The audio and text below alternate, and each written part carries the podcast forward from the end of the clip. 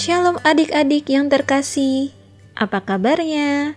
Semoga adik-adik tetap sehat selalu ya. Hari ini kita akan merenungkan firman Tuhan dengan judul Disediakan dalam Diam. Sebelum kita merenungkan firman Tuhan, yuk kita berdoa dulu. Tuhan Yesus, kami sungguh bersyukur kepadamu karena Engkau telah memberikan kami nafas kehidupan. Sebentar lagi, kami akan merenungkan firman-Mu.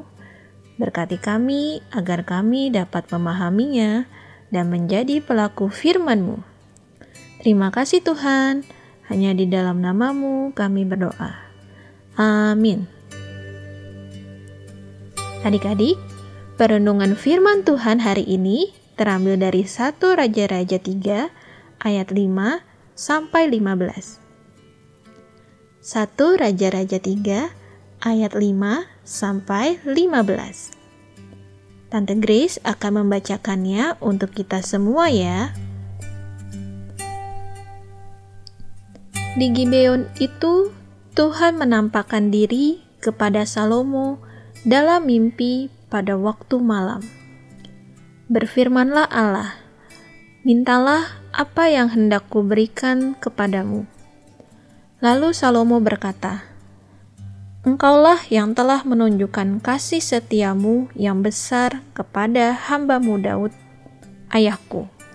Sebab ia hidup di hadapanmu dengan setia, benar, dan jujur terhadap engkau.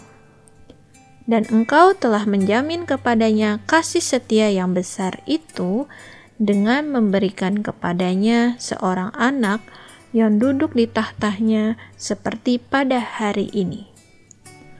Maka sekarang ya Tuhan, Allahku, Engkaulah yang mengangkat hambamu ini menjadi raja menggantikan Daud ayahku. Sekalipun aku masih sangat muda dan belum berpengalaman. Demikianlah hambamu ini berada di tengah-tengah umatmu yang kau pilih, suatu umat yang besar yang tidak terhitung dan tidak terkira banyaknya. Maka berikanlah kepada hambamu ini hati yang faham menimbang perkara untuk menghakimi umatmu dengan dapat membedakan antara yang baik dan yang jahat Sebab siapakah yang sanggup menghakimi umatmu yang sangat besar ini? Lalu adalah baik di mata Tuhan bahwa Salomo meminta hal yang demikian. Jadi, berfirmanlah Allah kepadanya, oleh karena engkau telah meminta hal yang demikian dan tidak meminta umur panjang atau kekayaan atau nyawa musuhmu, melainkan pengertian untuk memutuskan hukum, maka sesungguhnya aku melakukan sesuai dengan permintaanmu itu.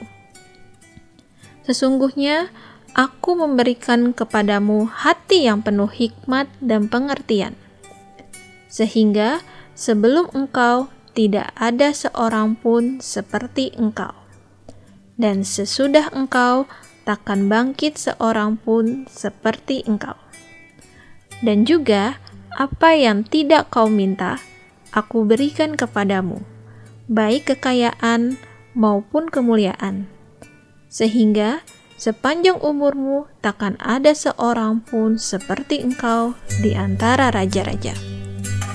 Dan jika engkau hidup menurut jalan yang kutunjukkan, dan tetap mengikuti segala ketetapan dan perintahku, sama seperti ayahmu Daud, maka aku akan memperpanjang umurmu.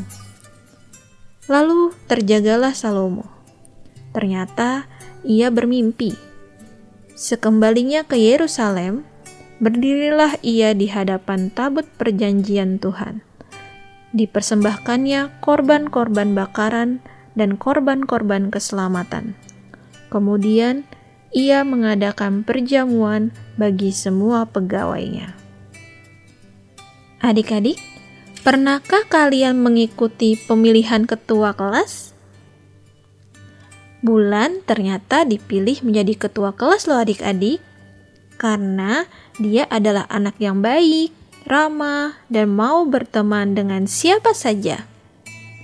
Jika ada teman yang membutuhkan pertolongan, Bulan pasti siap membantu. Sebenarnya bukan hanya Bulan yang ingin menjadi ketua kelas. Beberapa temannya pun juga mau dipilih. Tetapi guru justru memilih Bulan yang menjadi ketua kelas. Sama seperti Bapak Salomo yang dipilih oleh Tuhan karena ia dipandang baik di mata Tuhan. Dan ketika ia meminta hikmat dari Tuhan, hal itu dikabulkan oleh Tuhan, sehingga pada masanya ia dikenal sebagai raja yang penuh hikmat dan mampu menyelesaikan berbagai persoalan dengan hikmat dari Tuhan. Nah, adik-adik, maukah adik-adik menjadi berhikmat seperti Salomo? Jika kita meminta hikmat itu kepada Tuhan, pasti Tuhan akan memberikannya. Ingatlah ini adik-adik, bahwa hikmat dan kebijaksanaan akan mendatangkan kebaikan untuk kita semua. Kita ulangi sekali lagi ya adik-adik. Hikmat dan kebijaksanaan akan mendatangkan kebaikan untuk kita semua. Mari kita berdoa. Bapa kami di surga, kami memohon hikmat kepadamu agar kami dapat melakukan hal yang baik dan seturut dengan kehendakmu. Jauhkan kami dari hal-hal yang dapat membuat kami jauh darimu. Terima kasih ya Bapa, hanya di dalam namamu kami berdoa. Amin. Terima kasih adik-adik, tetap selalu jaga kesehatan ya. Tuhan Yesus memberkati.